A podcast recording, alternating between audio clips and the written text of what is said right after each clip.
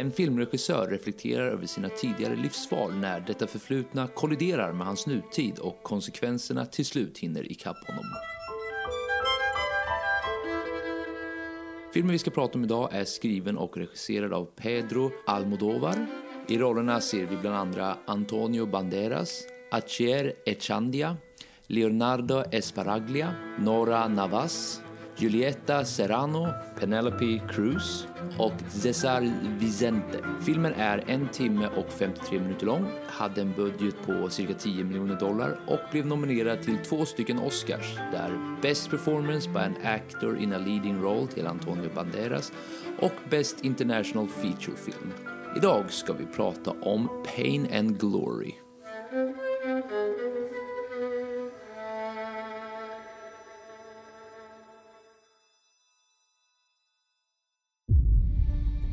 As far back as I can remember, I always wanted to be a gangster. The first rule of Fight Club is you do not talk about Fight Club. Did you read all this acid? That's right. Music! What is real? How do you define real? More people than you think, and more people each day. This is a world getting progressively worse. Can we not agree on that? finns bara ett ord för sådana som du. Och det är ondska. English, motherfucker! Do you speak it? I am the danger. Get away from her, you bitch! Are you not entertained? Are you not entertained? Why so serious? Hej allihopa och välkomna till ett nytt avsnitt av Spoiler alert med mig Joel Keskitalo och Don. Benjamin Gabrielsson, sí claro.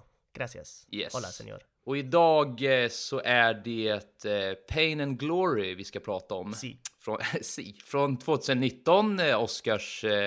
Eh, inte filmen i sig, men där den fick två Oscars-nomineringar. En för Best International Feature Film och en till eh, Antonio Banderas som bästa skådespelare. Nomineringar alltså, inte vinster. Precis, tyvärr så kammade de inte hem någon av dem, vilket var förståeligt med tanke på att det var ju jäkligt andra bra nomineringar. Det var ett tufft år. Var det. var ju det. Eh, Jag menar, den gick ju upp mot Parasite som Best International Ja. Feature Film och som ni vet från förra avsnittet så ja, det, det, vi, det var ju hyfsat välförtjänt enligt våra Så får man åsikter i alla säga. fall. Och jag menar, Joaquin Phoenix var ju svårt att slå bort för Antonio Banderas. Ja. Det är nästan, jag tycker lite synd om Antonio Banderas här. Det här kanske vi borde spara, men jag kan säga det ändå att hade det inte varit samma år så, som, som Mm. eh, Joaquin Phoenix i den här rollen som han gjorde så kanske Antonio Banderas hade kunnat vunnit den här faktiskt. Ja, men det är lite som så här äh, att gå upp mot typ Inception eller Interstellar eller alltså att, att en film öppnar samma vecka som den filmen. Det är bara så här, nah, fuck. Ja, du menar bio- Ja, exakt. Att, så- ska, ja, ska du ju exakt. bra ifrån dig i the box office så ska du ju undvika så här Nolan-filmerna som pesten. Ja, verkligen. Men i alla fall, jag valde ju den här filmen egentligen för att jag ville höra vad du tycker om den, för det är ju så jäkla mycket. Alltså, för det första är det ju det här som sagt en Oscars-rulle eh, och vi är ju fortfarande halvt inne på det eftersom eh, galan var ganska nyligen. Ja. Eh, Så delvis därför, men också för att eh, jag tyckte filmen var så jäkla träffande in terms of vad du gillar för sorts filmer. Och jag var ju verkligen tvungen att höra, plus att jag, jag, jag själv gillade den såklart, men det gick verkligen in i de teman du tenderar att gilla väldigt mycket. Ja. Så jag tänkte direkt när jag tittade på den bara, bara den här måste jag visa för Benjamin. Eh, och eh, det passade ju också då bra såklart att det var en Oscarsrulle, så ja, på den vägen var det. Ja, vad kul! Vill du, ska, ska jag dra spontant? Vill du dra spontant eller vad? Ja, men dra du då, eftersom du, eh, ja, nej, men jag, du får gärna börja. Ja, ja men du har ju, du, du känner mig märks det ju. Det, spontant så älskar jag den här Ja, men filmen. nice. Jag tyckte den var helt fantastisk och det är väldigt mycket som känns sådär spot on som jag kan relatera Mm. till. Och jag, jag har ju snackat om förut hur jag, när jag kollar på film så försöker jag ju eh, så gott det går hänga med i storyn, men Mm. jag har ju en tendens att ofta, du vet, zona ut för att jag börjar tänka på någon häftig kameravinkel eller hur de har gjort det där och det där, och det kan ibland göra att det är lite svårt för mig att hänga med i en film. Den här är ju dessutom på, på spanska, så att det, det var ju ännu svårare för mig att hänga med, så att jag var ju verkligen tvungen att se den här två gånger, och när jag väl såg den andra gången, det var ju då jag bara oh my god, ja tack, det här var riktigt Ja. jävla nice. Ja, men vad glad jag blir att höra det, för ibland man är ju lite halvnojig ibland att det ska träffa helt fel också. Det hade varit tråkigt att höra nu bara. Nej, det var fan i mig bland det värsta jag någonsin har sett. Jag förstår inte varför du trodde att jag skulle gilla det. Fast jag visste att den skulle bli så, för som Ja, du säger, alltså, du menar, efter. Du efter det. 46 jävla avsnitt med det här avsnittet, det glömde jag säga kanske att det här var avsnitt nummer 46. Ja, härligt. Eh, så eh, det vore jävligt illa nu ifall jag inte visste, ifall jag inte hade något hum om vilken sorts filmer du gillar. Så ja, nå- någonting har jag åtminstone lärt mig av den här resan. Mm. Eh, Nej, men spontana. Jag tror ju att du gillar den ännu mer än vad jag gjorde, men jag gillar den ju också väldigt mycket och Mm. eh, jag gillar speciellt. Alltså, när jag först tittade på den så kände jag att första. Jag hade lite känsla som jag hade när jag kollade på Roma, Mm. att det här är en väldigt bra film som jag egentligen vill gilla mer än vad jag gör just nu. Mm. Men till skillnad från Roma, där jag liksom var kvar på den det statet hela tiden, att det, jag gillade filmen, men jag önskade att jag gillade den lite mer, för jag förstår hur mycket bra det finns i den här filmen. Men den bara, den bara klickade inte med mig på något sätt. Den här gjorde däremot det till slut. Eh, och jag tänkte prata lite mer specifikt om hur det hände för mig. Och det var, det var i filmens andra halva som den verkligen liksom, eh, ja, klev upp ett steg för mig. Och då blev helt plötsligt första halvan livsviktig. Eller inte livsviktig kanske man säger, men du fattar. Den, den blev, den, den liksom kontextualiserades på ett annat sätt, vilket gjorde att ja, jag kan uppskatta den delen väldigt mycket. Och sen när jag såg om den, då kunde jag knappt förstå att jag ens hade haft den inställningen till att börja med. För då blev det helt plötsligt jättebra alltihop. Ja. Så jag tror, jag tror att en annan, en annan sittning också gjorde, su, gjorde, gjorde susen. Ja, ja men fan vad roligt. Eh, Men eh, vi går in på filmen då. Mm. Eh, till skillnad från eh, Parasite förra avsnittet Mm. så eh, ja, det var ju, vi är ju inte jätteduktiga på koreanska namn, låt oss vara ärliga här. Så vi, vi reducerades ju till att säga pappan, mamman, systern, den fattiga familjen, den rika familjen och Vilket så funkade vidare. ganska bra i den filmen. Ja, det gjorde det. det. Det gjorde att vi kunde hålla narrativet igång i alla fall. Ja. Och det, det kändes som att vi inte var överdrivet förvirrade. Vi hoppas att ni eh, liksom hängde med också. Men den här gången så eh, vill vi inte bli reducerade till det, utan vi kommer faktiskt att säga namnen. Så jag ville bara ha det sagt till att börja med. Det, att du det är är ingen tydlig. vana vi kommer plocka upp där vi säger pappan, mamman, dottern, sonen och så vidare. Mycket svårare i den här filmen också. Ja, men lite så ja. Eh, nej men eh, likt eh, eh, Parasite, eller Parasit som du så fint upp det Ja. till, eh, så tänkte vi, eller jag tänkte att vi börjar med filmens struktur. Mm. Och då menar jag inte på det tekniska planet, utan jag menar det snarare typ Ja, men låt oss börja i samma ände som vi gjorde på Parasite då, att det är en spansk produktion. Ja. Och eh, nu vet ju varken du eller jag kanske jättemycket om just spansk produktion, men har vi någonting vi kan hämta därifrån annat än att det spanska språket är otroligt vackert? Så jag bara, jag bara passar över den här lite snabbt till dig. Vad tyckte du om liksom, den spanska produktionen, det spanska språket och som sagt, om vi bara börjar i den änden. Ja, men jag, jag tycker att det är någonting ehm, Ja men det, det är någonting i spansk film som, som jag upplever, det kanske är för att jag just har sett en handfull spanska filmer och jämför just med dem, men det finns någonting där som är lite likt fransk film och det har väl det här lite sydeuropeiska touchen på sig, men där det ofta tenderar att gå mot realism på något sätt, att det ofta är det här ganska, ehm, ja men vardagliga, det handlar om ganska tydliga, tydligt koncept som kan vara Ja, men väldigt basic och realistiskt och filmat ofta på ett väldigt sådär att nu är vi där, nu är det här, det är liksom inget, de försöker inte göra något storartat eller explosivt eller galet eller helt så här sjukt, utan det, det finns någonting ganska sådär um, lågmält. fast- Riktiga personer, riktiga Ja, problem. Verkligen, precis. Och det är väl realism i, i, i sitt esse kanske. Mm. ehm, så så att det, det är väl absolut det som jag tänker på spontant, att det känns Mm. sådär väldigt eh, nära, tätt inpå och realistiskt helt enkelt. Och så här smutsigt nästan. Ja, och med, lite med skitigt. Smutsigt så menar vi ju inte dåligt, utan tvärtom. När det är skitigt så, eh, så lägger ju det till ännu mer av det realistiska. Mm. Eh, sen beror det ju såklart på vad det är man väljer att porträttera. Men i en sån här film när man väljer att porträttera till exempel, ja men smärta då i grund och botten, jag menar pain Mm. and glory, smärta och ära. Men eh, till, till exempel droganvändande och till exempel liksom fysiska problem, psykiska problem. Det har liksom ett, Mm. e- ett lager av skitighet över sig som gör att det liksom lägger till på den realistiska eh, vad heter det, korgen eller vad man ska säga. Mm. Vad hette den där filmen som också var en spansk produktion när vi är i Barcelona? Beautiful. Beautiful, ja precis. Felstavat beautiful. Exakt. Eh, och eh, Med Javier Bardem. Precis, och den tycker jag är ju essen av det här vi pratar om nu. Den, den är ju mycket skitigare än vad den här är så att säga. Men om ni vill förstå vad det är vi försöker komma åt här när det kommer till tväräkta realism så är Beautiful ett jättebra exempel. Och den här tenderar ju uppvisa samma sorts skitiga realism.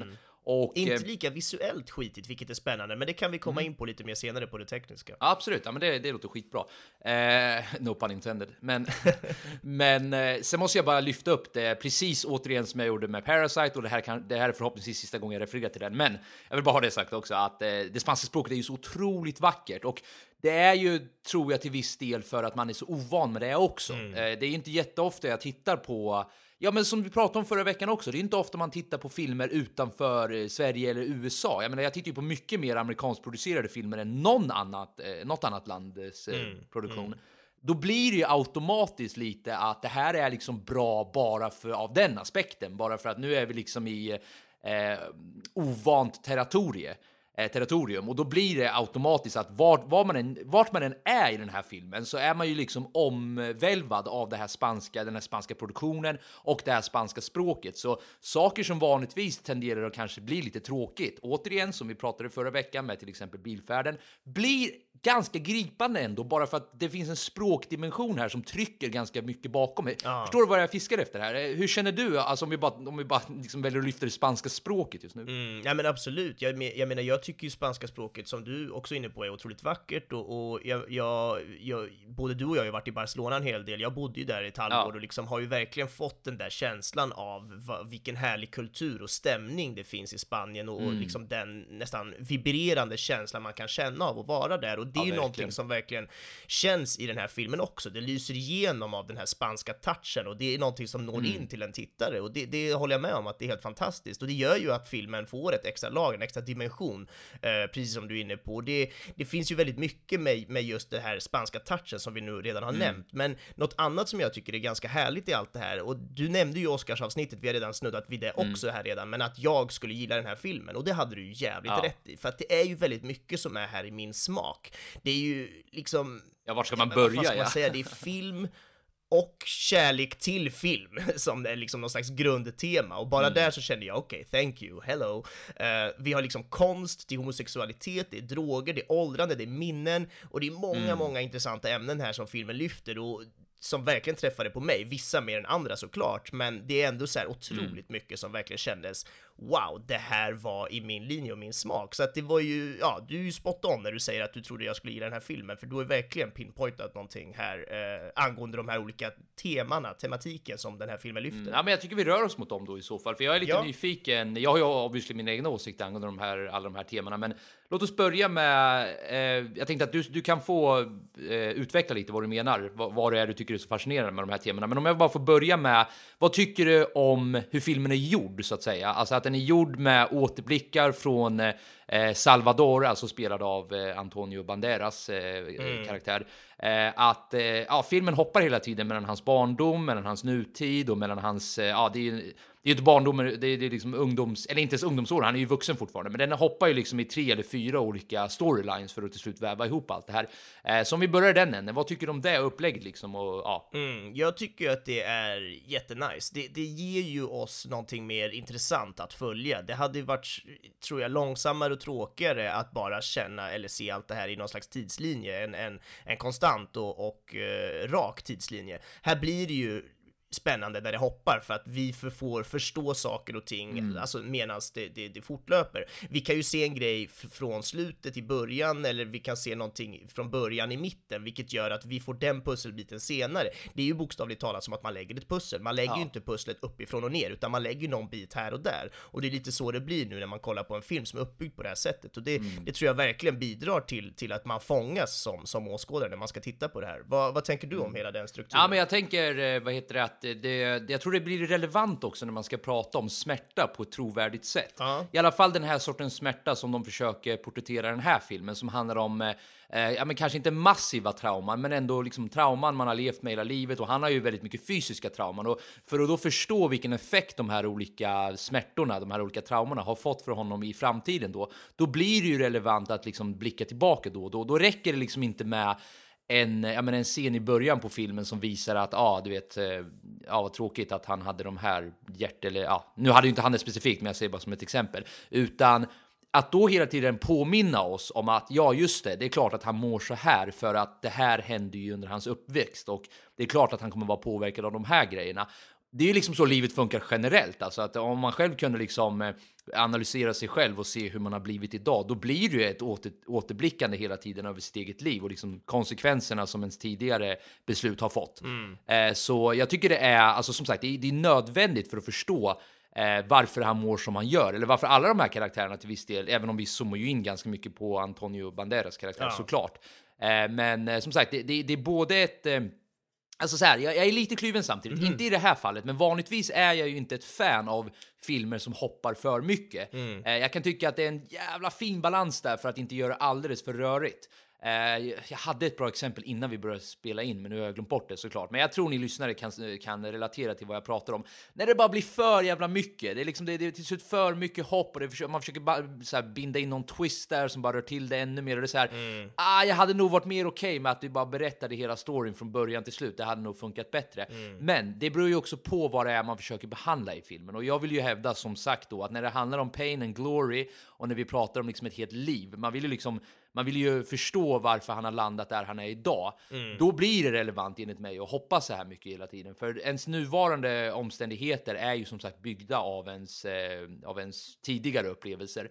Eh, och jag tycker den här gör det förträffligt. Ett ord som jag väldigt sällan använder inser jag nu. Vad härligt det var. Ja jävlar vad sofistikerat Förträffligt det var att höra dig säga förträffligt. Ja, visst var det det? Nej, men jag tycker den gör det asbra. Där har ni ett ännu bättre ord. Mer i våran generation kanske. Ja, eller hur? Lite så. Men eh, att den, den har en väldigt bra balans och eh, det är relevanta saker den lyfter hela tiden också. Det är inte så här nonsensgrejer som jag känner inte lägger till någon pusselbit i allting. Och då säger jag inte att alla behöver vara så här jättedjupa grejer, utan det är små pusselbitar hela tiden som kanske inte makar sense till en början, men då när du ser, ja, och som sagt, det, det kanske därför andra sittningen gav oss båda lite mer ja, kött på benen eftersom då kan man verkligen pussla ihop allt det här. Eh, Ja, men eh, nej, som sagt, jag, jag tycker det var väl utvalda scener att lyfta upp och jag tyckte inte alls, jag förlorade inte alls eh, liksom the main plot genom att hoppa Nej. så här mycket så. Jag tyckte det var superbly gjort. Jag tyckte det var, jag kunde inte önskat för det här, recept för hur man borde kunna göra det ärligt talat. Ja, vad kul. Jag, när vi ändå är inne på det här med olika tidslinjerna och så här, Ja. för det, mycket är ju hans minnen hela tiden som, som vi, vi får ta del av. Ja. Och eh, något som jag tycker är väldigt spännande med den här filmen är ju just hur den behandlar relationen till minnena. Mm. Det är ju flashbacks under filmens gång som, som, där vi då får ta del av, av Antonio Banderas, alltså Salvadors barndom. Eh, och den känns ju till synes ganska positiv, men det finns såklart mörker också. De sover Mm. ju på, på någon par, park, eller på någon, vad är det, tågstationsbänk där och de, de Mm. flyttar till ett grotthus som föräldrarna inte verkar gilla. Salvador gillar det, men Mm. inte liksom föräldrarna och pappan verkar ju vara väldigt frånvarande och så vidare. Så det finns ju mörker där såklart. Och Mm. det som är spännande här är ju att varje gång eh, Salvador får såna här flashbacks så är det ju när han är i något speciellt, eh, ja men state of mind. Precis i början så är det ju att han är under vatten i, i en pool i någon slags eh, mediterande situation typ, eh, där han drömmer sig tillbaka till barndomen. Nästa gång är när han testar heroinet för första gången och då drömmer han sig bort ordentligt och sen är det när han tar heroin under resten av filmen basically. Ehm, och det som också sker när han tar heroin under filmen är att vi får se när hans kompis och kollega Alberto Eh, läser och övar på, den här, på det här manuset då som han ska spela upp Mm som Salvador har skrivit och eh, ja, det som senare blir en pjäs helt enkelt. Och den pjäsen är också baserad på Salvadors minnen.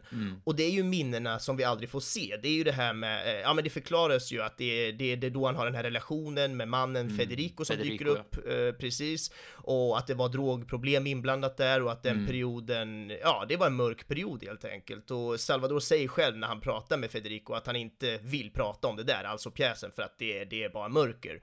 Ehm, så för att nå sina de här minnena så behöver han ofta droger eller liknande för att nå dit och minnena i sig innehåller en hel del mörker. Men efter att ha träffat den här Federico så slutar han med heroinet och han går över till, han, han går även till, till den här doktorn för att få ordentlig hjälp och i väntan på operationen så dyker även den här gamla målningen upp på honom.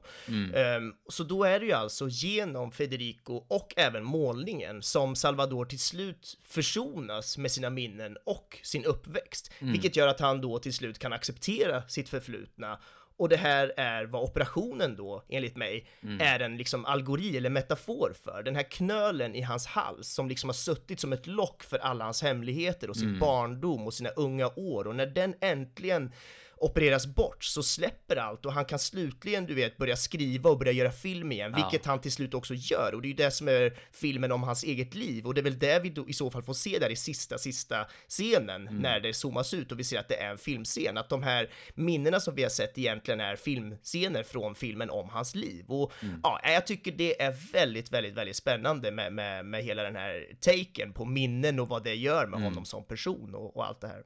Ja, nej, det är jävligt bra, jävligt fint formulerat måste jag säga. Och eh, jag hade egentligen tänkt att ta den här punkten lite senare, men jag tycker att den är relevant att lyfta nu. Och det är ju eh, det fina budskapet den här filmen har till slut. Alltså det är, du och jag tenderar ju att gilla filmer som är ganska mörka och som slutar ganska Ja. öppet och som man får liksom, det får lämnas åt eh, tittarna att eh, liksom avgöra själv vad som händer här. Och till viss del lämnas den här ju också öppet. Men jag skulle vilja hävda att det här är snarare lite motsatsen mot vad jag brukar gilla. Ja, här har vi liksom det här är väl lite happy ending? Exakt, här har vi en solskenshistoria, men Ja. en, en historia som börjar väldigt mörk och fortsätter vara väldigt tragisk. Och ju mer man liksom eh, packar upp i den här tragedin så inser man hur mycket droger som var inblandade. När man får se eh, Federicos eh, reaktioner på den här pjäsen så får man se hur, liksom, hur, hur, eh, ja, men hur gripande det är för honom och hur mycket det betyder och hur Ja. mycket det har påverkat honom.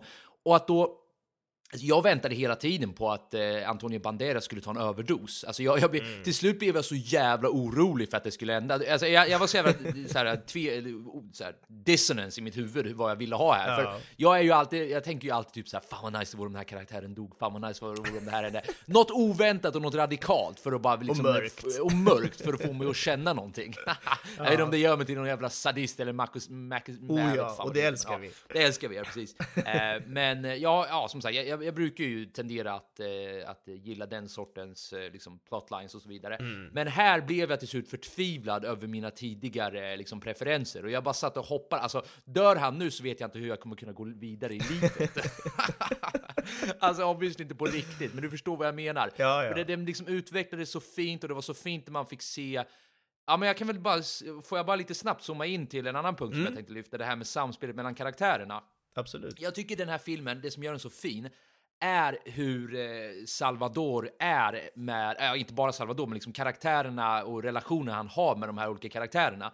Eh, ja, men ta till exempel när han börjar med Alberto och de har en 20 år gammal feud eh, och eh, hur de liksom successivt reparerar den. Och eh, Eh, delvis då hur heroin löper som en röd tråd här också, vilket är jävligt intressant. Men det är inte det jag specifikt vill lyfta nu, utan det jag vill lyfta nu är snarare att man får se den lilla resan de gör och den försoningen de samtidigt gör efter då 20 års eh, eh, bitterhet mot varandra. Och det är likadant med eh, Salvador och Federico. De har förvisso inte haft samma sorts bitterhet kanske, men att, ba- att bara se dem omfamna varandra där.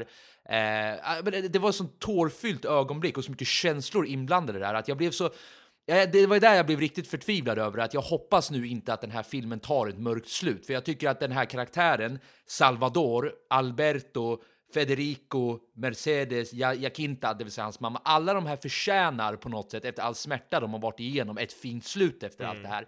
Vilket då gjorde att filmens budskap blev vackert på något sätt. Att man kan ta sig ur heroinberoende, man kan ta sig ur fysiska smärtor som behöver operationer, man kan ta sig ut så här 20 år gamla bitterheter, man kan liksom genom genom film som medie i det här fallet, genom berättande, genom kult, eller liksom så kreativa uttrycksformat eh, eh, format, så kan man jobba sig igenom de här och nå så här, slutgiltig försoning. För det är det alla gör, alla når ju den här liksom, punkten genom sina olika medel. Och jag menar, Salvador skriver sig igenom det här. Eh, Alberto aktar sig igenom det här. Federico, han gör det liksom genom deras lilla... Ja, han är ju för sig inte... Han verkar ju ha byggt upp ett eget liv på sitt sätt. Men man får ju till och med reda på Federico att han, han ryckte upp sig genom att lämna liksom, eh, heroinfyllda Madrid och försöka... Är det inte till Argentina? han Jo, om exakt. Ja. Ja, precis. Eh, Så det är bara en så fin resa att även om, även om Salvador är den som är liksom i huvudfokus hela tiden så är det att vi får se de här parallella resorna också hos de här så kallade sidokaraktärerna och genom då eh, Salvadors ögon så, ja, så når ju alla den här slutgiltiga punkten av dels försoning men också eh, rehabilitation. Eh, så med den här lilla ranten vill jag ha sagt att eh, jag är så jävla glad och nästan, jag, jag grät flera gånger under filmen för att jag, jag blev så glad över att filmer också kan ta, eller att filmer kan ha, filmer som tar den här turnen kan ha den här sortens effekt på mig. Med tanke på att jag tenderar att gilla de som går åt den mer mörkare riktningen och ibland lämnar det ganska mörkt också ärligt talat. Det, har, det tenderar helt enkelt att ha mer effekt på mig. Men när, när filmer också börjar i den motsatta riktningen, att man börjar i den mörka änden och jobbar sig mot det positiva. Eh, om det görs på ett bra och liksom Precis. trovärdigt och realistiskt sätt, då kan det också landa något otroligt. Så Eh, har du något du vill tillägga där? Eller? Jag, jag, kände bara för att liksom få det ur mig. Nej, men jag kan ju inte annat än att, än att hålla med och instämma. Det, det är ju verkligen så. Det är ingenting jag har lagt någon, någon, större vikt vid, men jag håller verkligen med om de här olika karaktärerna och deras utveckling. Att vi, att vi får se det, som du sa också, genom Salvadors ögon på något sätt, för det är ju ändå han vi följer, men mm. vi får ändå ta del av de andra karaktärernas personliga utveckling och det känns ju som att det, det jag gillar att vi får så pass lite av de olika karaktärerna, men ändå mm. tillräckligt mm. mycket för att kunna få den här utvecklingen förklarad för oss. Att det behövs mm. inga, du vet, långa, djupa eh, eh, scener eller flashbacks från deras tidigare liv eller barndom. Vi får inget sånt, utan de flashbacksen vi får är väl basically mest från, från Salvadors barndom. Men, mm. men det är ju, ja, ändå lyckas vi få de här olika storylinesen att också eh, evolva, vad fan heter det på svenska? Ja, men, men att mm. utvecklas, utvecklas till, till någonting positivt som du inne på. Ja, nej, jag har inte så mycket mer att säga, men jag håller verkligen med. Det var fantastiskt. Ja, ja och det är bara så om jag bara får lägga till en till grej, just eh, vad heter det, samspelet mellan karaktärerna. Alltså ja. så jävla bra. Om jag bara, om vi, alltså får jag bara höra vad, vad tycker du om scenerna dem emellan? Alltså om vi, om vi bara börjar med scenerna mellan eh, eh, Salvador och Alberto. Mm. Eh, alltså hur jävla bra scener var inte det? När de sitter där och röker heroin tillsammans och mm. eh, de, man börjar se tecken på försoning där. Men sen säger eh, vad heter det, Salvador vad han egentligen har velat sagt hela ja. tiden, vilket var han, han använde, det var också lite kul tyckte jag, att han använde fel droger för vad, för vad min karaktär egentligen skulle liksom presentera för state of mind. Men om jag bara får lyfta upp det som en sidopunkt här, vad tycker du om samspelet mellan de här olika karaktärerna och hur kände du när du såg liksom, ja, men scenerna de hade med varandra? Om vi börjar med Salvador och Alberto bara lite snabbt. ja, men det är ju underbart. Det är ju precis som du säger. Det, det, finns någon kemi där som, som kändes äkta och underliggande, att de hade en relation sedan tidigare. Det kändes ju att de hade haft en fuse eller att de hade haft den här spänningen mellan sig under vadå, 20 år eller vad fan mm. det var och det, det märktes. Jag tycker det är otroligt eh, härligt. Ja, men när de har den där eh, presskonferensen på, genom telefonen och man får se hur Salvador mer och mer eskalerar från vad han först kanske hade tänkt att säga. ja. Och han stirrar ju på Alberto medan han gör det, medan Alberto blir mer och mer förbannad, reser sig upp, bara slår bort telefonen från hans händer och bara hur fan vågar du? Och han bara lyssna, jag planerar inte att säga det, men nu är det gjort. Jag har velat sagt det här hela tiden basically. Exakt. Han bara rycker upp honom och bara du, du ska fan vara försiktig alltså. Bara den scenen tycker jag är så jävla vackert och säger så mycket. Som du ja. sa, det säger så mycket att de kan ha den sortens relation i och med att de då har haft det tidigare mm. feuden de har. Precis, och det är ju också det här med att de, man, man, man tänker oj, men Salvador, det var väl lite hårt av dig att säga det där och göra det där, men mm. varför då? Men då får man ju också veta att, att Alberto hade tagit heroin och grejer under inspelningen ja. av den där filmen och det hade Salvador inte gått med på såklart då, och det, mm. så att mm. han hade ju ändå gjort bort sig från början och därför förtjänade kanske lite den här salvan han fick då av Salvador. Så att det, äh, men det är mm. verkligen fantastiska mm. scener. Jag tänker fortsätta med två relationer till bara, mm. för jag, jag vill verkligen dröja kvar på det här eh, på det här spåret lite till. Och då, då vill jag fortsätta till mötet mellan Alberto och Federico. Eh, ja. Deras möte där. Har du några tankar du vill dela med dig av det där? Vad kände du där när de två möttes? Eh, och om vi, om vi tar liksom scenen när man får först se hur Federico bryter ihop i publiken och sen när de träffas då efter hela den inspelningen. Mm. Eller inte inspelningen, det är ju en pjäs. Ja, såklart. Nej men, äh, men helt underbart. Jag älskade den, den, det lilla mötet. Alltså visst, under, under pjäsens gång, att han satt och grät, det, det var nice, men det jag verkligen gillade var ju när han kom hem till Salvador och de hade det där mötet, mm. eh, de två, och liksom man kände ju eh, man kände intensiteten i deras känslostim mellan varandra. Det kändes så, här ska vi ju såklart hylla skådespeleriet, ja, men det är ju dit. verkligen liksom, det, det, är så, det är så mycket där, det är små, små, små eh, detaljer i olika ögonryckningar och blickriktningar och vad de säger och vad de gör exakt som verkligen, man känner att de här har ett förflutet mm. som dels har liksom den förbjudna kärleken med homosexualitet att göra, som på den tiden antagligen var kanske ganska mycket mer fel än vad det är idag, mm. kan jag gissa i alla fall. Och att det Eh, dessutom då det här med drogerna och att det har varit en väldigt mörk tid för de båda. Men allt det här då som på något sätt möts i en clash på bara, vadå, det är det kanske är någon timme i, i, mm. som det ska utspela sig på, men vi får ju se det under kanske tio minuter eller någonting. Och, och det är så mycket energi där som på ett väldigt lågmält och finstilt sätt kommer fram och når ut till oss som jag, mm. jag verkligen blev imponerad över. Men du som, eh, vad heter det, du som har eh, delvis fortfarande antar jag, men alltså skådespelarbakgrund och liksom har delvis aspirerat till att bli det och så vidare. Eh, vad tyckte du om hela den där pjässcenen och hela hans, eh, för det var delvis där jag tänkte att eh, jag måste visa det här för Benjamin, mm. för han har en line där, där han säger att film räddade mig till slut. Eh, ja. Och det var ju efter hela hans, eh, vad heter det, rant om eh, ja, hur droger först förstörde honom.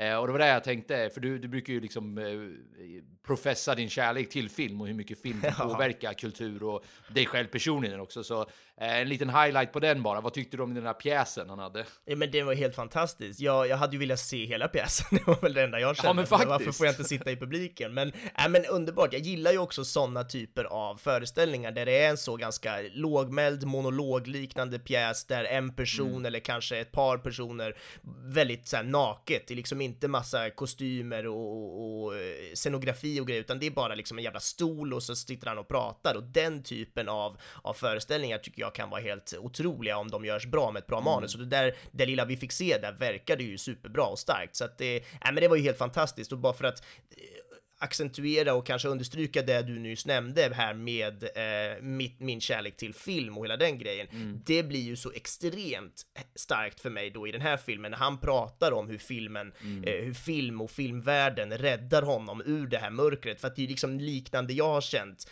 Jag har mått dåligt under perioder och nu är jag här i Stockholm och jobbar med film och mår bättre än vad jag gjort på länge mm, och bara exakt. den känslan är ju helt underbar att jag får känna det och dessutom då se det i den här filmen och bara känna att wow, det där är ju, ja, det träffar så jävla rätt helt mm. enkelt. Så att det är fantastiskt. Och så den sista jag måste lyfta då bara, innan vi kanske rör oss mot det tekniska. Ja. Och det är ju ja, deras återträff. Eh, det vill säga Salvador och Federicos återträff och den kramen de ger varandra där i början. Ja. Jag, jag var inne och alltså, snuddade lite vid det, men kör, kör, lite du så jag får höra dina ja, tankar. Ja, men jag vill bara återigen betona det, för det var lite där, ja det var egentligen tidigare, det var egentligen då hela pjäsgrejen mm. som Eh, som filmen tog en ny... Ja, just det. Eh, du nämnde att liksom, andra halvan var viktig för dig på något sätt. Det är det här du menar? Ja, precis. Ja, men eh, exakt. Jag kanske ska backa bandet lite då. Att jag kände ju lite, som jag sa i spontana tankar, att den gick lite segt kanske. Eh, men då efter den här pjäsen, då kände jag verkligen hur den liksom steppade upp. Den hade inte på något sätt varit dålig innan, men det var bara det att innan det hade jag inte haft samma känslodimension som jag kände att jag fick efter den halvan. Eh, och det har ju tveklöst att göra med skådespeleriet mm. eh, och det har ju delvis att göra då med karaktären Albertos. Eh, det blir metaskådespeleri antar jag eftersom han spelar en karaktär som spelar en karaktär mm. Eh, och eh, ja, och Federicos eh, tårfyllda liksom ansikten han sitter där i publiken. Men där det verkligen gick hem för mig var ju då, ja, som du nämnde tidigare, återträffen mellan Salvador och Federico. Mm. Och då jag började oroa mig för eh, att det här kommer gå åt helvete. Nu har det blivit så där vackert så nu, ja, nu, okay, kommer, ja. nu, kommer, nu kommer det gå käpprätt.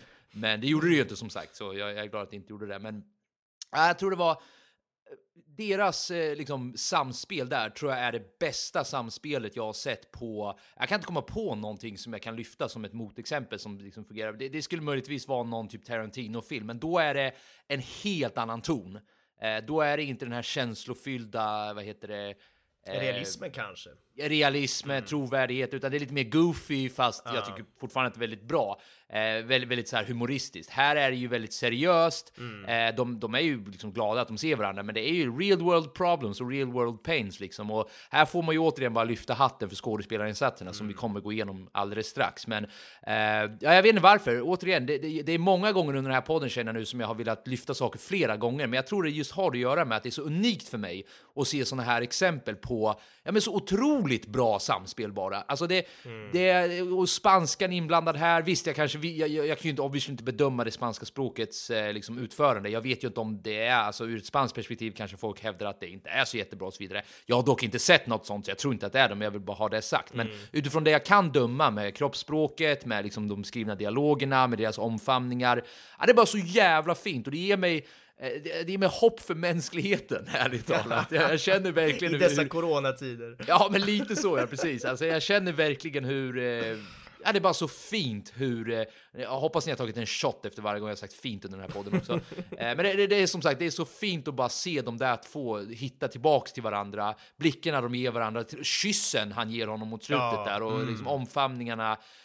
Nej, där, där på något sätt nu är vi ju i filmens, eh, ja, lite över filmens eh, halva. Vi är på filmens sista kvart eller något sånt. Alltså inte kvart som i, som i minuter, utan kvart som helhet liksom.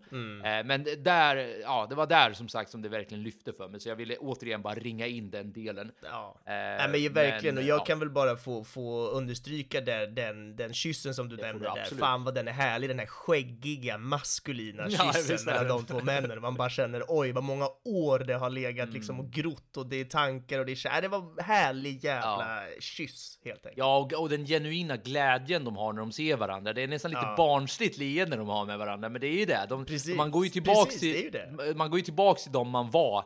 Ja. Eh, sen, och du vet, man får ju se när eh, Salvador gör sig redo, han är lite nervös, han tar, han typ så här, rör vid sina händer och tittar Och säger nej till heroinet också. Ja, precis, vilket också är ju det här, den här liksom, eh, lyftet och det här Mm. rehabiliteringen vi har pratat om. Men eh, exakt. eh, ja, det finns. Jag tror vi har uttömt det där ämnet nu tillräckligt. Det finns inte så Ja, mycket vi mer att säga. Har du något mer du vill nämna innan vi rör oss till det tekniska? Det finns såklart jättemycket att säga, det vet ni ju. Ja precis, var ska jag börja? Nej men nej, jag, jag kan faktiskt tycka att jag är ganska nöjd där, Ja. det, det kan jag. Men då då så, eh, då rör vi oss mot det tekniska då och eh, jag tänker som vanligt att du får börja där så fyller jag på om jag känner att jag har något relevant att säga. Ja men vad härligt. Eh, tekniskt då så är ju den här filmen filmad digitalt med en Arri Alexa SXT och eh, bildspråket är väl ja, men genomgående ganska blandat, men det är framför allt väldigt stabilt eh, och inte så mycket rörlig kamera. Det som är snyggt här är ju att bildspråket skiljer sig en aning om vi tittar på realtidsscenerna jämfört med Flashback flashbacksen. I, i nutidsscenerna så är det ju mer fast och stillastående kamera som då upplevs väldigt stadigt, medan Flashback-scenerna då på, på Salvadors barndom istället är filmade mer ja, men rörligt och där kameran ofta följer efter karaktärerna eh, med typ dollys eller steadicams eller liknande. Eh, och det här ger ju en mer osäker och ja, men aningen lekfull touch på flashbacksen, vilket hjälper oss att känna mer den här osäkra tillvaron som, som familjen då lever i.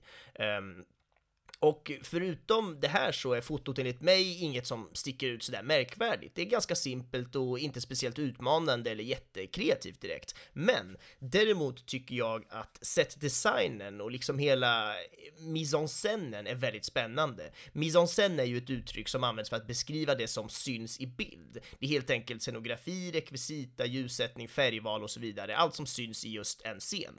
Eh, och det tycker jag att de har jobbat väldigt, väldigt speciellt med just färgerna i, i den här eh, filmen. Um, Almodovar då, regissören, han brukar ofta använda mycket starka och expressiva färger i sina filmer. Det har nästan blivit lite av hans grej kan man säga och den här filmen är ju inget undantag direkt. Eh, det jag syftar på här är ju framförallt färgerna som karaktärerna och särskilt Salvador har på sig. Det finns ett, ett eh, konstant tema av rött och blått. I näst intill varje scen finns det någon form av stark röd eller blå färg, ofta tillsammans. Som att de ja, men nästan kämpar mot varandra på ett spännande sätt. Ehm, som, som jag nämnde så är det ofta karaktärernas kläder som vi ser det här, men exempelvis har Salvador mycket rött på sig och då har ofta den andra personen blått på sig. Om inte det så är det i väggarna, i stolarna de sitter på eller liknande och det, det är det här färgtemat med rött och blått. Eh, ja men det följer Ja, det är väl med hela tvärtom. filmen. Förlåt att jag avbryter där bara lite snabbt, men det är väl tvärtom sen mot slutet att eh, Salvador har väl en blå tröja på sig om jag inte Jag kommer dit, och... Joel. Ja, förlåt. Då ska du få Nej men det är helt lugnt, det är precis, det är nice att du också har uppfattat det här för jag tycker det är väldigt, väldigt spännande. Jag ska ex- exemplifiera lite här bara för att förtydliga poängen. Och filmen öppnar ju med, med scenen med Salvador i poolen under vattnet. Och där är allt blått. Poolen, vattnet, shortsen, allt är bara blått. Eh, och senare sen när vi ser unga Salvador så är det ofta att han antingen har röd tröja och blå shorts på sig och att hans mamma då antingen har röd eller blå mönstrad klänning. Eh, vi har Salvadors kök som är i rött och blått. Vi har cinemateket som består av marinblå väggar och röda tjocka draperier. Vi har även publiken som sitter där som har en tydlig uppdelning av rött och blått på varsin sida. Eh, när Salvador har en blå t-shirt på sig så kommer Mercedes in med en knallröd väska. Vi har teaterscenen som Alberto ska spela upp monologen på där det är knallrött och han ska även spela upp den inför en publik som har, som har rött och blå detaljer på sig. Federico som söker upp Salvador har eh, starkt rött på sig och lagom, precis lagom till att han, eh, till att de ska mötas då, så byter Salvador om till en blå t-shirt så att de har blått och rött på sig, liksom blått mot rött så att säga tillsammans. Ja. Och ja, jag skulle kunna fortsätta, det finns ju så många exempel inom filmen, men det som gör det här riktigt intressant är ju att när Salvador har bestämt sig för att göra den här operationen och när han ska in dit och på de här mötena och doktorerna Mm. han ska träffa strax där innan, då har han inte längre rött eller blått på sig, utan då har han helt plötsligt grönt och brunt och grått och så vidare. Mm. Som att han då har besegrat kampen mellan rött och blått, kampen mellan nuet och sitt förflutna, Ah, kampen snyggt. mellan smärta och ära, pain and glory, dolor y gloria. Och det tycker jag är så jävla härligt. Mm, en väldigt fin eh, conclusion då på den kampen. Det här är återigen varför du är så jävla bra att ha med i den här podden. Det är så snyggt att du hittar de här tem eh, tematiska liksom eh, narrativen Ja. som är bakom eh, vad ska man kalla det, den, den skriftliga plotlinen. Ja men precis. Och det är väl sånt jag tycker är så jävla härligt när filmskapare använder såna, såna knep. Jag minns ju, jag tänkte mycket på den här filmen som, som vi såg för länge sedan, ehm, Blå är den varmaste färgen, Blue is the warmest color, där de också använde färgen blå på olika sätt för att hjälpa till Just och det. styra liksom känslolivet hos en av huvudrollsinnehavarna där. Och Ja. såna liksom tematiska, visuella effekter som man kan använda sig av som filmskapare tycker jag är helt briljant, för det är ofta någonting man knappt tänker på. Men om man tänker på det så är det fucking genius, och om man inte Ja. tänker på det så är det säkert någonting som ens hjärna ändå har, du vet, tagit Exakt. in ändå, och det hjälper Ja. en att förstå någonting extra, ett extra lager Mm. på hela den här storyn. Så att, nej, du vet, apropå att gilla film och så vidare, här sitter jag ju Mm. bara och bara åh, thank you! Ja, exakt. det är underbart. Ja, verkligen. Nej, men det där är också en intressant punkt som vi pratade i förra avsnittet Ja. också om. eh, Det här med att det är ja, men nästan o, alltså att du kan påverkas av alla de här äh, färgkoderna, liksom sättet saker är filmat på, vad det är man väljer ha i bakgrunden. Kanske inte ens på ett medvetet plan, utan tvärtom. Många gånger kanske till och med ännu bättre när man inte ens lägger märke till hur man blir manipulerad. Man blir manipulerad genom att vissa saker står på ett visst sätt, genom att vissa färgkoder ligger på en viss eh, liksom, eh, kombination, genom att färger byter, eh, liksom parallellt med hur narrativet byter. Så det är ju som du säger, det är ju en konst i konsten så Verkligen. att säga, att liksom baka in det här. Som sagt, på eller under eller bakom eller hur du nu väljer liksom eh, phrasa det, den så kallade vanliga storylinen. Ja, otroligt. Och det, sånt här finns ju liksom i nästan alla filmer mer eller mindre, men väldigt mycket mer eller mindre beroende på vilken film det är. Och här är det ju en sån film där Ja, de verkligen, och vi får väl tacka Almodovar för det här, för att han är ju en sån liksom Mm. autör där han verkligen, du vet, vill jobba på ett speciellt sätt, där han använder filmens olika medel för att kunna eh, Ja. förklara och berätta så, så bra som möjligt. Och det är, det är helt jävla fantastiskt. Mm. Ehm, med allt det här sagt så, så är jag väl relativt klar. Man skulle kunna nämna musiken också, så- som vi ofta Mm. gör, bara för att det är lite härligt när vi ändå håller på med ett ljudmedium här, en podcast, att prata lite Ja. musik. Men jag tycker att det är väldigt, väldigt härlig musik under filmens gång. Det är ju väldigt blandad, eller väldigt ska jag inte säga, men det är ganska blandad känsla på, på musiken. Det är ju, det är någon slags liksom klassisk musik som det är som grund, men den är inte, du vet, sådär storartad och symfoniorkesteraktig, utan den är ju mer lite lågmäld och det, det är ofta stråkinstrument med, med, med, med inslag av lite jazz och piano-vibbar också i allt det här eh, som eh, kommer och vaggar in oss på ett magiskt, lite mystiskt sätt i vissa scener. Och äh, jag tycker de har jobbat på ett väldigt härligt och, och ganska balanserat sätt med den här musiken Ja. som, som vaggar in oss i den här stämningen som, som ja men den här Madrid-känslan vi, vi liksom är i hela tiden. Så att jag tycker det är, ja men riktigt jävla snyggt helt enkelt. Ja, jag har inte så mycket att tillägga där, utan det, det känns som att eh, ja, den, den hade hittat rätt ton så att säga. Det hade ju inte Ja, funkat eh, om det var väldigt bombastiskt eller episkt eller något sånt där, utan som du säger, det, var, det, det kändes spanskt klingande, även om jag inte är kvalificerad nog att veta vad spanskt klingande ens är. Men samma sak här, jag tror ni förstår lite vad det är jag syftar på när jag Ja, säger ja. spanskt klingande. Så ja, det, jag, jag, jag jag ska inte lägga till mer saker i onödan. Den, den gjorde sitt jobb som vi brukar säga. Ja. Jag har varken liksom något eh, eh, negativt eller något överdrivet positivt att säga annat än att den var där och ja, du vet, det här är ju inte, den här filmen går ju inte till den sortens realism eh, som du och jag ibland brukar prata om, det här med att vi inte ens vill ha någon musik överhuvudtaget. Nej. Eh, det är ju liksom det absolut eh, liksom, eh, centralpunkten av realism när det är liksom bara så kallade vanliga ljud. Eh, den här når ju liksom inte riktigt hela vägen fram dit, men det är ju inte heller det den försöker göra, utan den, den här är ju inte realism i den bemärkelse att vi vill göra det så, ja, liksom ja, men så realistisk som möjligt. Vi vill göra den så trovärdig som möjligt. Ja. Och realism i den här bemärkelsen innebär ju som sagt att det handlar om riktiga karaktärer med riktiga problem Mm. och riktiga situationer. Eh, och på det sättet tycker jag ju då som sagt att ja, den här musiken funkar väldigt bra. Verkligen, och det är väl någonting nästan där vi också får nämna med Al Almodovar som är ju väldigt så cinematisk och filmisk Mm. av sig. Han vill ju göra film och går man eh, långt, långt ut i liksom spektrat av realism, då hamnar man ju till slut någonstans där det knappt är film längre, utan det är mer Nej, bara en precis. kamera du sätter upp. Medan Almodovar tror jag vill fortfarande göra film, riktig jävla, du precis. vet, cinema. Eh, så att, så att det, det tror jag är en bidragande faktor till att det absolut finns musik här som jobbar på det Ja. sättet. Så, ja.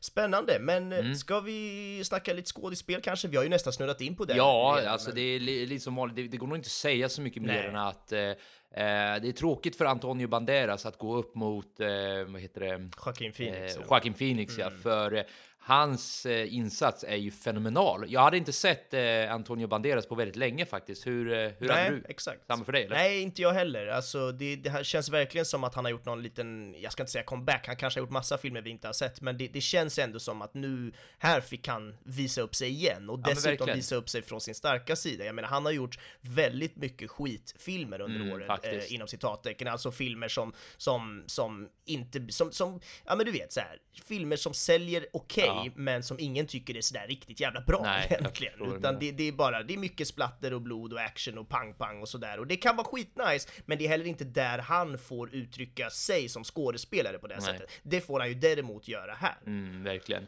Eh, och eh, ja, det, det kändes eh, personligen lite kul också, för jag gillade ju Eh, jag tror inte jag sagt det här till faktiskt, men när jag var liten så var The Mask of Zorro var en av mina favoritfilmer Ja, faktiskt. nice. Mm. Eh, där är ju, du har ju sett den obviously i så fall i och med att du Ja. säger sådär. Där är ju för övrigt Anthony Hopkins också med och gör ett Ja. otroligt bra jobb han också. Catherine Zeta-Jones va, är det väl också?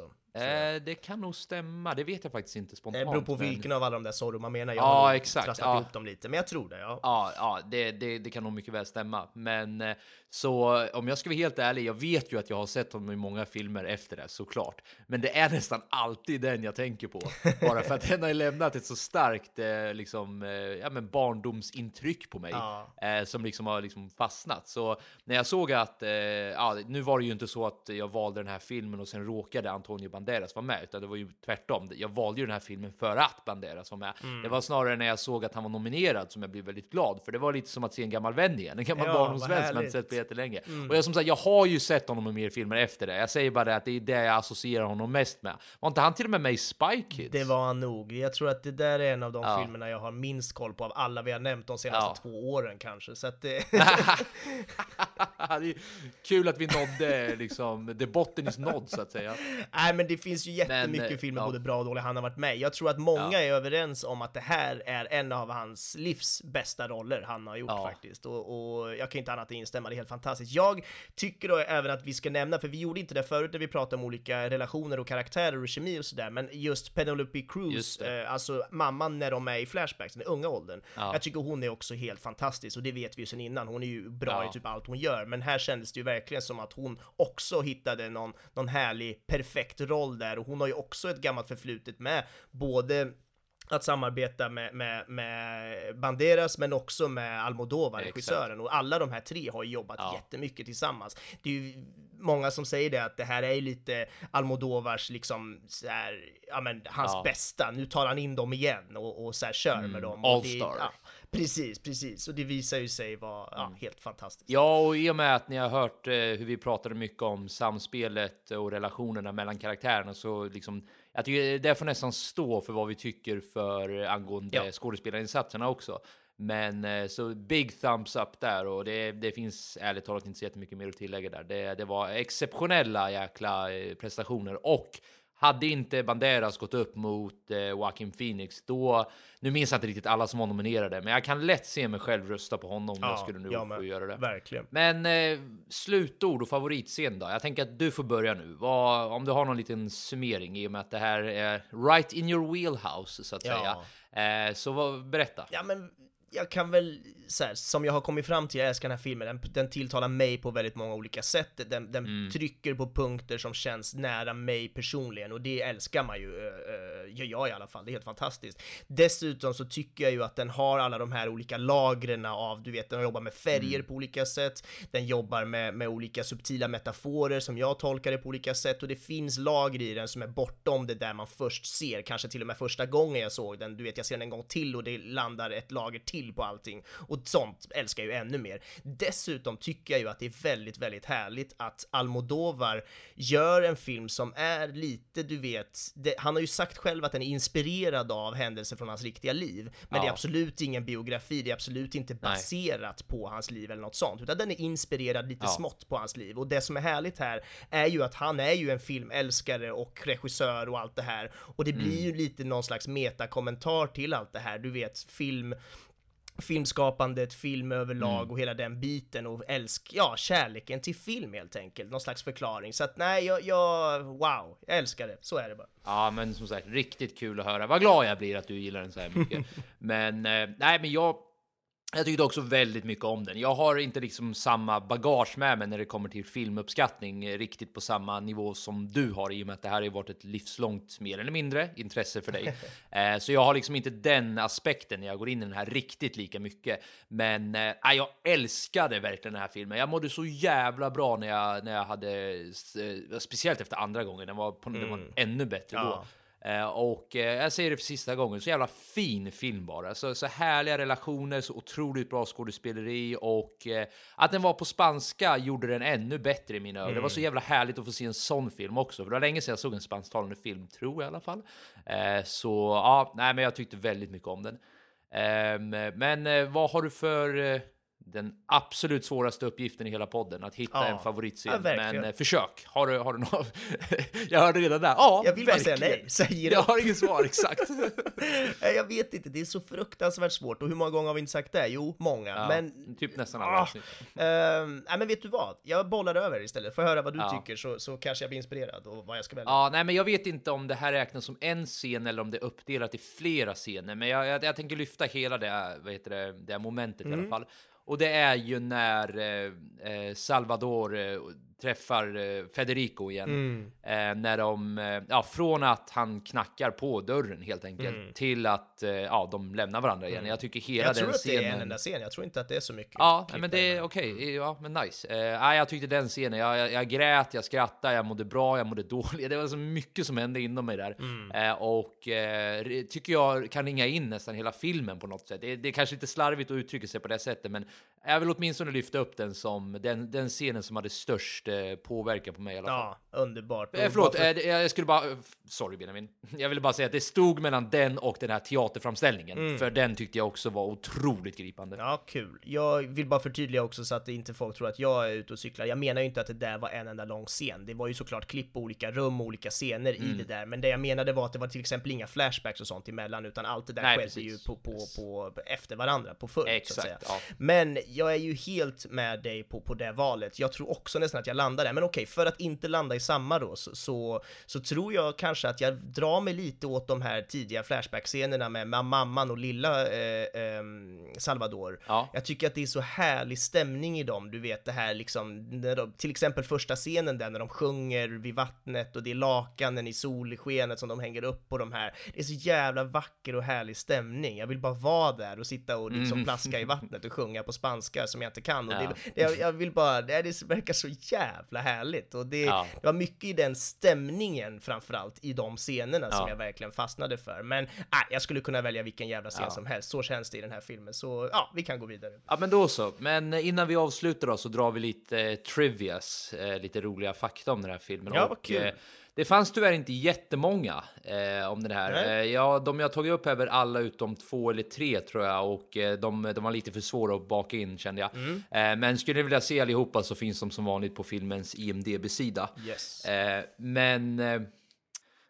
ja, eh, Julieta Serrano, det vill säga en, en av eh, Jacinta. Jaci- Hur säger man? Säger man Jacinta eller Jacinta?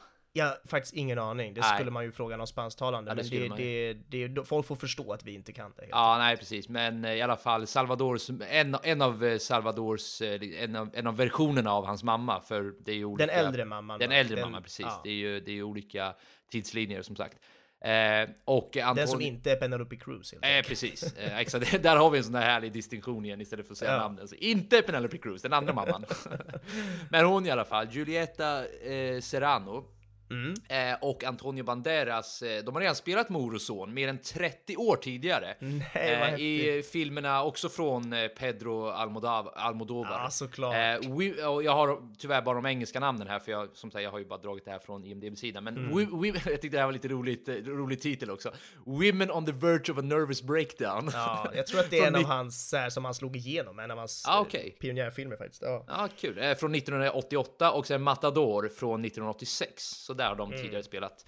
Ehm, och det här var Pedro Almodovars åttonde samarbete med Antonio Banderas och hans sjätte med Penelope Cruz. ja, du ser. Eh, och eh, Pain and Glory markerade andra samarbete mellan de två tillsammans, där den första var I'm so excited från 2013. Kul. Eh, det här var också Julieta Serranos första samarbete med Pedro på nästan 30 år där också, där Mhm. de tidigare jobbade tillsammans med på många av hans 80-talsfilmer. Ja. Och det står inte specifikt vilka, utan det stod väldigt generellt, men det kan man ju kolla upp själv om man vill. Men 30 år där också, Alltså. det här markerar ju någon sorts eh, eh, återträff kan man ju säga då. Ja, han har ju verkligen tagit in sina Ja, favoriter, som du sa sina förut, ja. guldkorn. Precis. Ja, härligt. Eh, och sen står det så här, eh, och det här kan ju inte jag relatera till, så mina kära, eller våra kära lyssnare nu, ni får ha lite överseende. Men som vanligt så har tydligen Pedros bror gjort en cameo. Mhm. Och varför jag säger att jag inte riktigt kan relatera till det, jag, jag har ju inte sett så många av de här filmerna, så jag, jag vet inte om det här är vanligt, men det stod i alla fall så.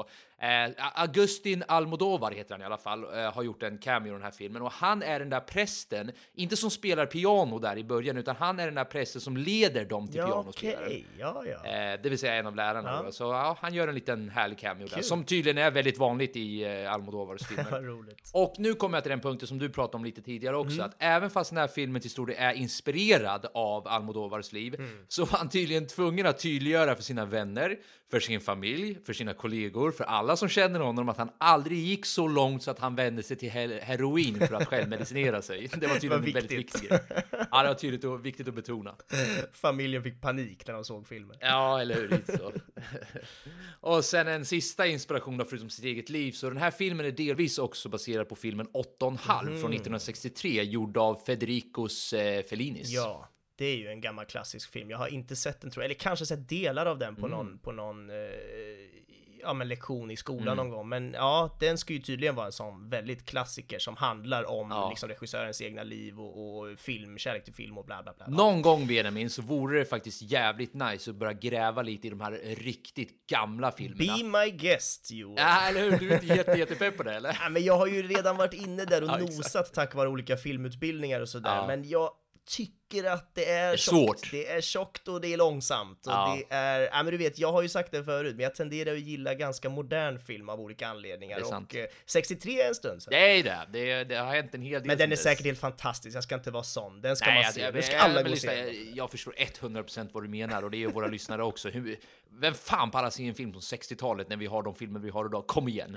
Men det finns samtidigt en del inom mig som bara vill utforska där, ja men bara för att se själva, jag kanske inte lyfter upp det i poddsammanhang utan mer bara för att, ja men bara se jag vet inte, filmutvecklingen, hur långt man har kommit och hur de gjorde är på det sättet. är det på den tiden? Ja. Ja, men det är precis därför vi såg sådana filmer, bland annat på, på olika filmkurser och sådär. Det är just för att förstå liksom, så här gjorde man då, så här Ja. gör man sen och så här gör man nu. Och sånt är jätteintressant. Ja, så är man i sugen på att se sånt, då ska man verkligen kolla på gamla filmer. Gör det. Eh, men eh, jag tänker runda av våra trivias där, för det fanns som sagt inte jättemånga fler. Det var några Ja, till som perfekt. handlade om att den här blev nominerad som Best Foreign Film och allt det där, men det tog jag ju upp i introt Ja, och det har vi har dessutom vi pratat om. om. Så vi rundar av där med att du får berätta vad nästa avsnittsfilm kommer vara. Ja, nästa podd kommer att handla om filmen And then we danced Ah, gud vad nice, från velat se den. 2019.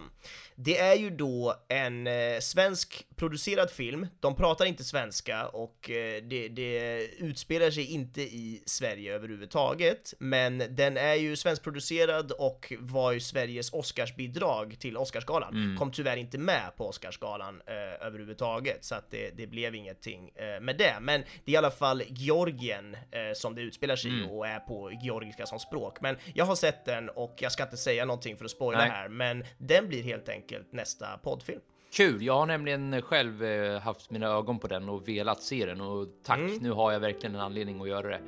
Men eh, då vart finns vi hörru? Ja, men vi finns där poddar finns i olika podcastappar. Det där förstår ju folk eh, så smarta som vi är nu för tiden och eh, dessutom framförallt Facebook. Spoiler alert heter vi där. Jättebra att följa oss. Man ser länkar, kommande filmer, man får trailers, IMDB och så vidare. Det finns allt möjligt kul där så att eh, spoiler alert på Facebook. Och eventuella meddelanden om det skulle vara så att vi inte kan spela in ett avsnitt because of reasons som händer ibland. Ja. Då får ni all info där i, i och med att vi kanske inte vet det under det här inspelningen så att Exakt, säga. Så ja, det, det är rekommenderat att följa oss där. Gör så. Hörni, tack som fan för att ni har lyssnat eh, på återhörande. Så säger vi ha det bra. Hej då!